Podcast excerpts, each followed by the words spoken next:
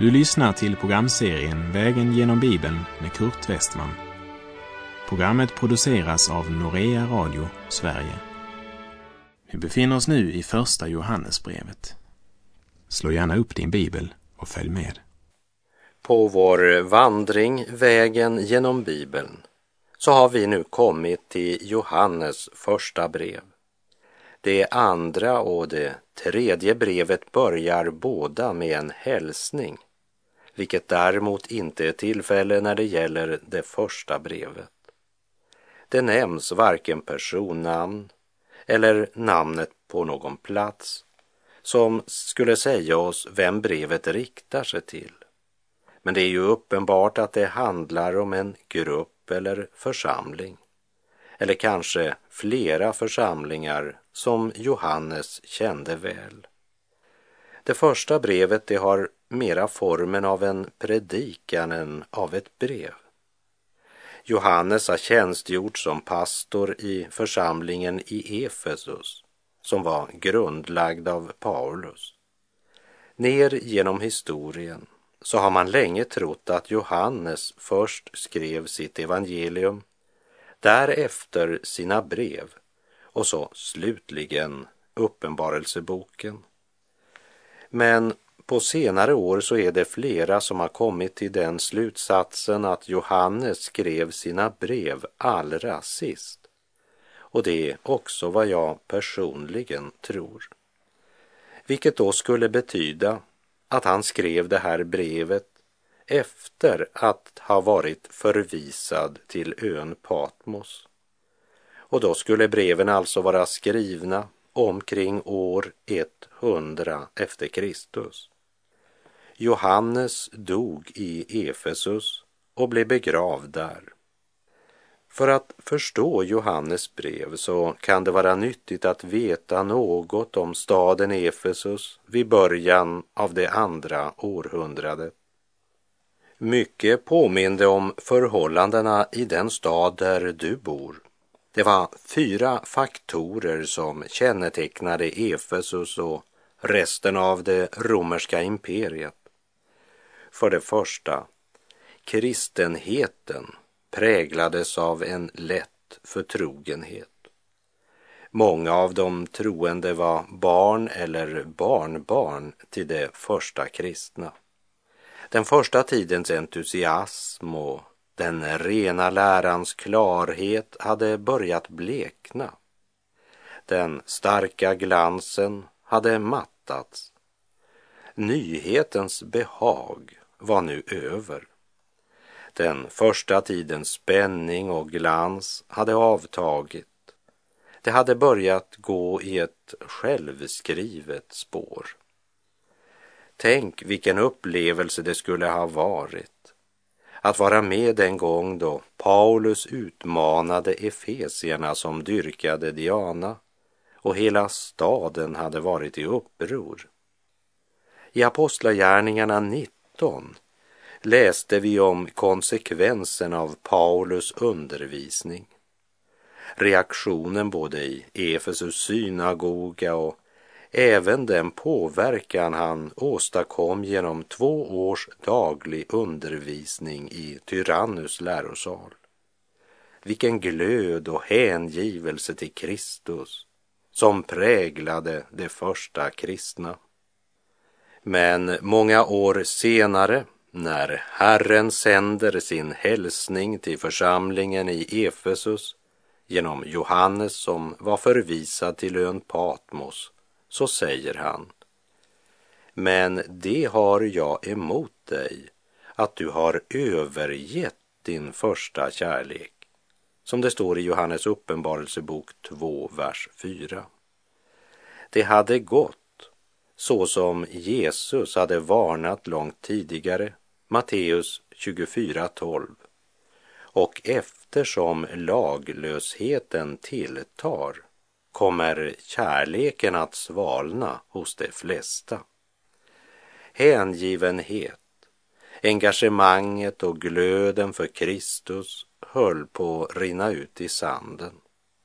Det kristna livet blev till en tradition och form, något närmast självskrivet. Det bara var så. För det andra, Guds barns goda moral och rena livsstil gjorde att det troende var annorlunda. Medan det troendes barn och barnbarn inte ville vara annorlunda.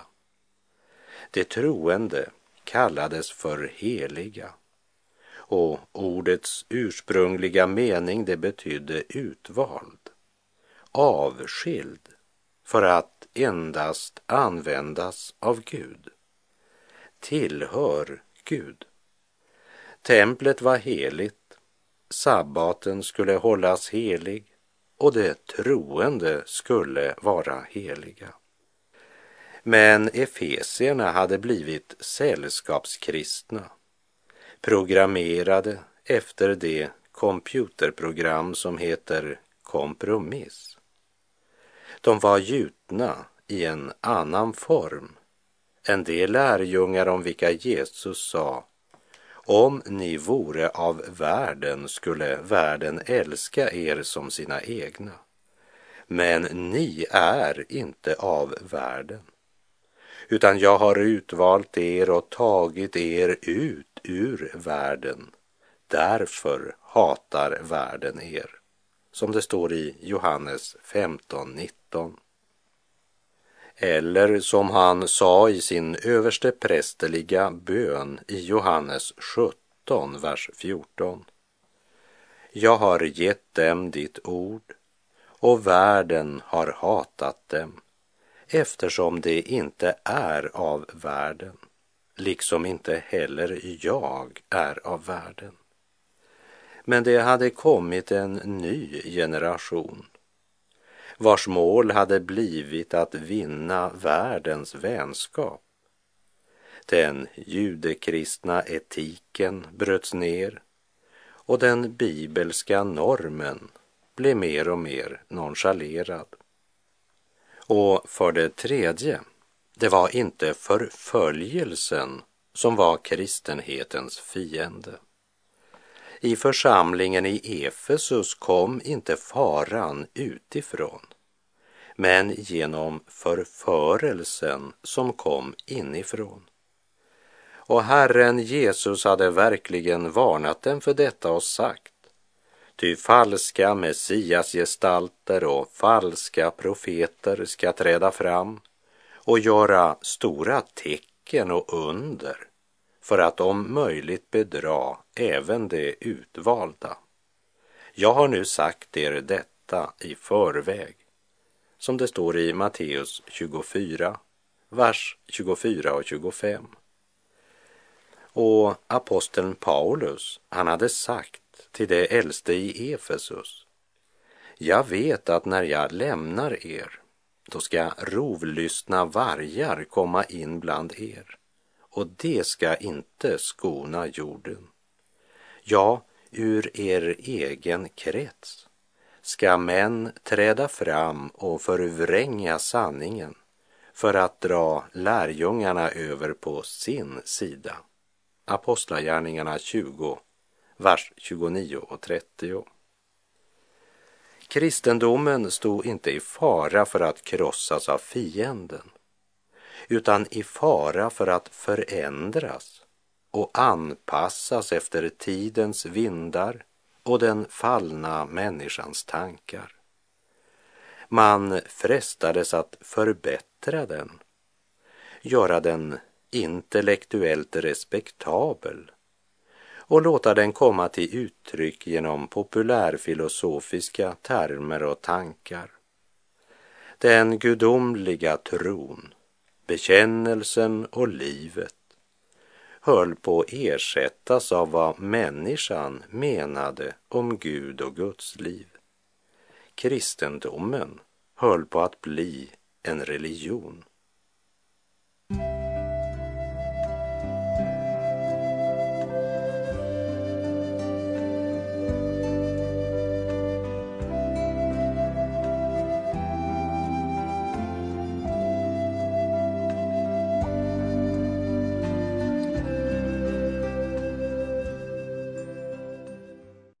Det fjärde som hotade Kristuslivet i Efesus var gnosticismen.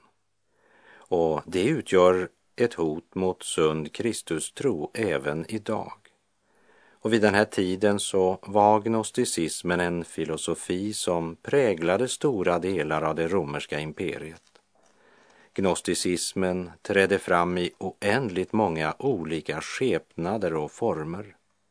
Men en genomgångston i denna filosofi var att materian eller kroppen var av ondo, bara anden var god. Därför betraktades allt materiellt eller kroppsligt som något ont.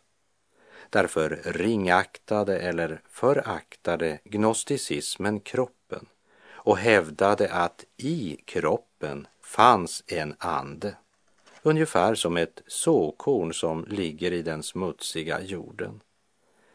Det är ju egentligen samma tankar som vi möter i den moderna liberalismen som fasthåller tanken att det finns något gott i varje människa och att människan ska försöka utveckla denna lilla gnista av godhet.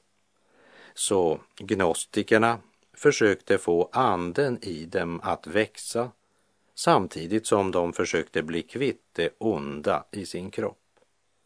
Och när Paulus eh, konfronteras med två andra andliga avarter som hade ännu tidigare rötter, nämligen stoikerna och epikuréerna så återges hans konfrontation med dessa båda grupper så här i Apostlagärningarna 17, vers 18. Ännu en del filosofer, både epikurer och stoiker, diskuterade med honom och en del sade, vad kan den där pratmakaren vilja säga? Andra sade, han tycks vara en som förkunnar främmande gudar. Detta sade de eftersom han predikade evangeliet om Jesus och uppståndelsen. Stoikerna var Sens lärjungar. De hävdade att hela kosmos genomströmmas av förnuftet och att allt har sin orsak i en gudomlig försyn och styrs av en oföränderlig logisk nödvändighet. Ett förnuftigt liv var därför att leva i samklang med naturen utan att låta sig styras av känslor som passioner, sorg, glädje eller smärta. Känslolöshet var ett nyckelord och de hade mycket klara regler för självkontroll och disciplin. Epikurierna fick sitt namn efter filosofen Epikuros från Samos som undervisade i Aten. Han lärde att allt i tillvaron går lagenligt och att det därför gäller att göra sig fri från tron på högre makter. Och frigöra sig från tron på en vedergällning i ett liv efter detta. Epikuros lärjungar gick snart över till att hylla kroppslig njutning och blev betraktade som dåtidens materialister. De accepterade de grekiska gudarna på berget Olympus och var mer upptagna av njutning än av livets sanning. Man kan säga att deras filosofi var att ge självlivet och kroppen allt vad den önskade. Så fick man ro för den och slapp undan kampen. Och mellan de här två ytterligheterna som utgjordes av stoikerna och epikureerna så fanns det oändligt många olika nyanser och grupperingar som alla hade gemensamt att de förnekade att Jesus var Messias, frälsaren. Och jag tror att det var det Johannes hade i tanke när han i Johannes första brev kapitel 2, verserna 22 och 23 skrev vem är lögnaren? Om inte den som förnekar att Jesus är Kristus. Den är antikrist som förnekar Fadern och Sonen. Den som förnekar Sonen har inte heller Fadern. Den som bekänner Sonen har också Fadern. Gnosticismen såg inkarnationen som en omöjlighet eftersom Gud inte kunde förena sig själv med något ont, som till exempel kroppen. Och därför hävdade man att det bara såg ut som om Jesus hade en kropp, vilket man alltså hävdade att han inte hade. Man sa till exempel att när han gick lämnade han inga fotspår. Serintus var listigare och mera skarpsinnig i sin undervisning. Han hävdade att det fanns både en mänsklig Jesus och en gudomlig Jesus och att det gudomliga kom in i honom när han blev döpt av Johannes och att det gudomliga lämnade honom på korset. I en förfalskad skrift som man kallar Petrus evangelium så är Jesu ord på korset översatt med Min kraft, min kraft, varför har du övergivit mig? Och jag tror att Johannes skrev sitt första brev som ett svar på gnosticismens villoläror. Och vi lägger märke till att det är fem saker som speciellt ligger Johannes på hjärtat. För det första, Johannes första brev kapitel 1, vers 3.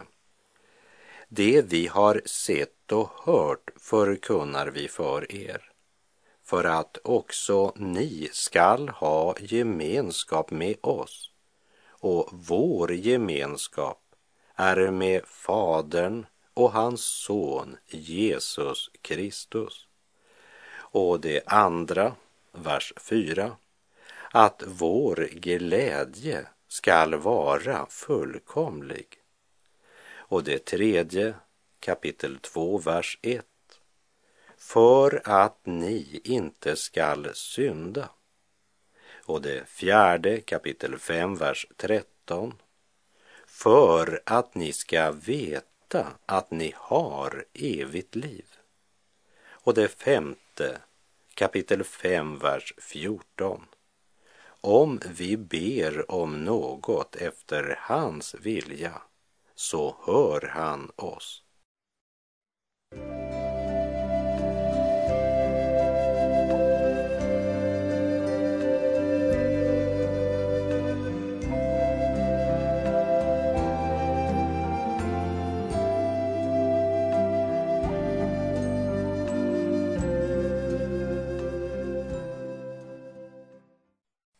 Johannes första brev har kallats för helgedomens helgedom bland Nya testamentets skrifter.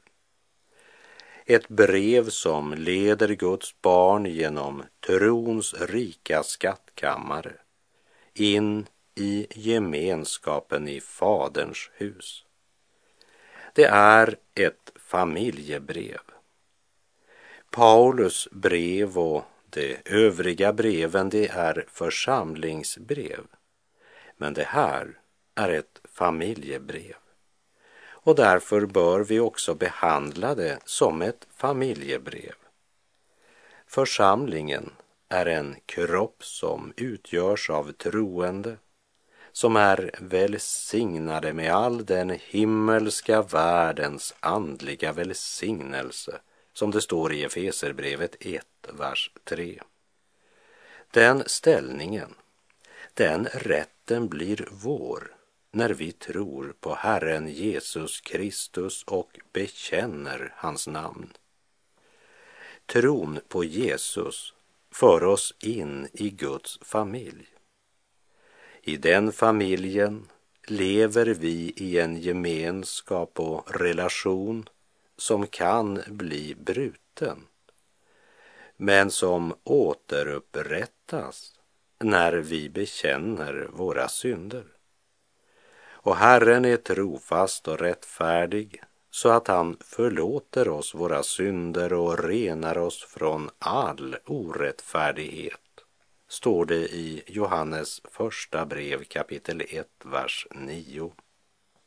Är det något som församlingen gemensamt borde studera så är det Johannes första brev. Ett oerhört viktigt och centralt brev både för det personliga andliga livet och för det troendes gemenskap. Det är min bön att många pastorer, församlingsföreståndare och herdar ska studera och undervisa sin församling ifrån Johannes första brev. Om och om igen visar Johannes första brev sig på nytt vara högst aktuell, inte minst i vår tid. Eftersom farorna som lurar på Jesu efterföljare är detsamma idag som den gången. Med glödande hjärta, med värme och intensiv kraft tar Johannes upp centrala och viktiga frågor som han anknyter direkt till vårt liv och vår vardag. En central och god kampskrift mot den sanna trons yttre och inre fiender. Johannes tänder ett ljus i tidens mörker där han avslöjar falsk Kristusförkunnelse och falsk Kristustro. Hela brevet genomsyras av Kristus. Det handlar om den levande gemenskapen med Fadern och hans son Jesus Kristus. Från den första versen till den sista vibrerar det av Kristusliv. Det är inga teorier han serverar. Det är eh, inte en teologi som han studerat på biblioteket. Det är inte andrahandsinformation. Det är ett ögonvittne som skriver. Och han är inte bara ett ögonvittne, men han har av hjärtat gripits och inspirerats av det han har sett. Hans hjärta flödar över. Han kan helt enkelt inte hålla tyst om vad han vet. När jag läser vad Johannes skriver så går mina tankar till Jesu ord i Johannes 7, vers 38. Den som tror på mig, ur hans innersta ska strömmar av levande vatten flyta fram, som skriften säger. Detta sade han om anden som det skulle få som trodde på honom. Precis som i Johannes evangeliet så koncentreras också i Johannes första brev uppmärksamheten omkring logos, ordet. Om livets ord är det vi vittnar, säger Johannes ett trefaldigt vittnesbörd om den treenige Gud. Kapitel 1 från vers 1 till och med 2, vers 2 talar om att Gud är ljus. Kapitel 2 från vers 3 till och med 4.21 talar om att Gud är kärlek. Och kapitel 5 talar om att Gud är liv. Det är skrifternas Jesus Johannes presenterar. Han talar om att vandra i ljuset, om att bekänna synd och om Kristus som vår talsman inför Fadern. Han talar om gemenskapen mellan de troende och han varnar oss för att älska världen och det som är i världen. För om någon älskar världen finns inte Faderns kärlek i honom. Och innan vi i nästa program börjar vår vandring genom Johannes första brev så låt oss instämma med Kristina Imsen när hon sjunger Skrifternas Jesus kom in i mitt hjärta.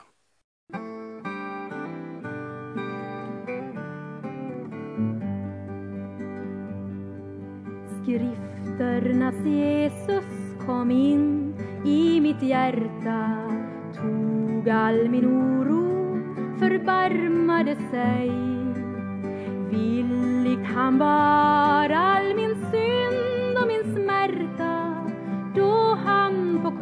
trädet dog just för mig. Villigt han bar all min synd och min smärta då han på korsträdet dog just för mig. Skrifternas Jesus i ordet mig lärde alla som tror må i korsdöden gå hjärta en längtan jag närde döpas till honom i Guds kraft uppstå och i mitt hjärta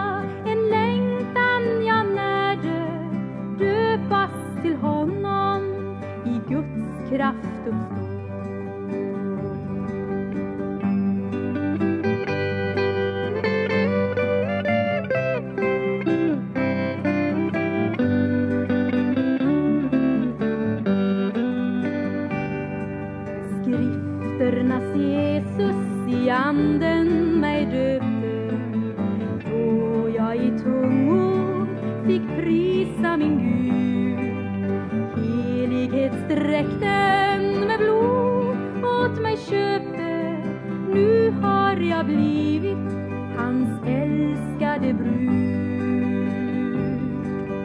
Helighetsdräkten med blod åt mig köpte nu har jag blivit hans älskade brud.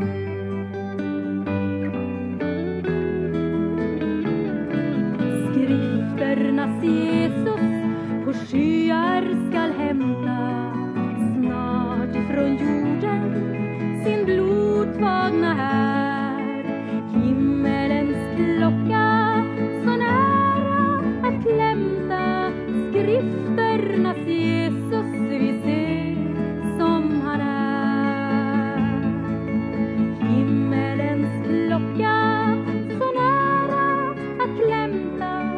Skrifternas Jesus vi ser som han är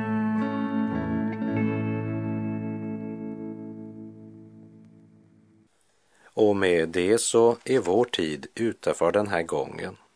Så ska vi i nästa program börja vår vandring genom Johannes första brev, familjebrevet för alla sanna Guds barn. Jag ber att vår Herre Jesu Kristi Gud, härlighetens fader, ska ge oss vishetens och uppenbarelsens ande så att vi får en rätt kunskap om honom, skrifternas Jesus. Herren vare med dig, må hans välsignelse vila över dig. Gud är god.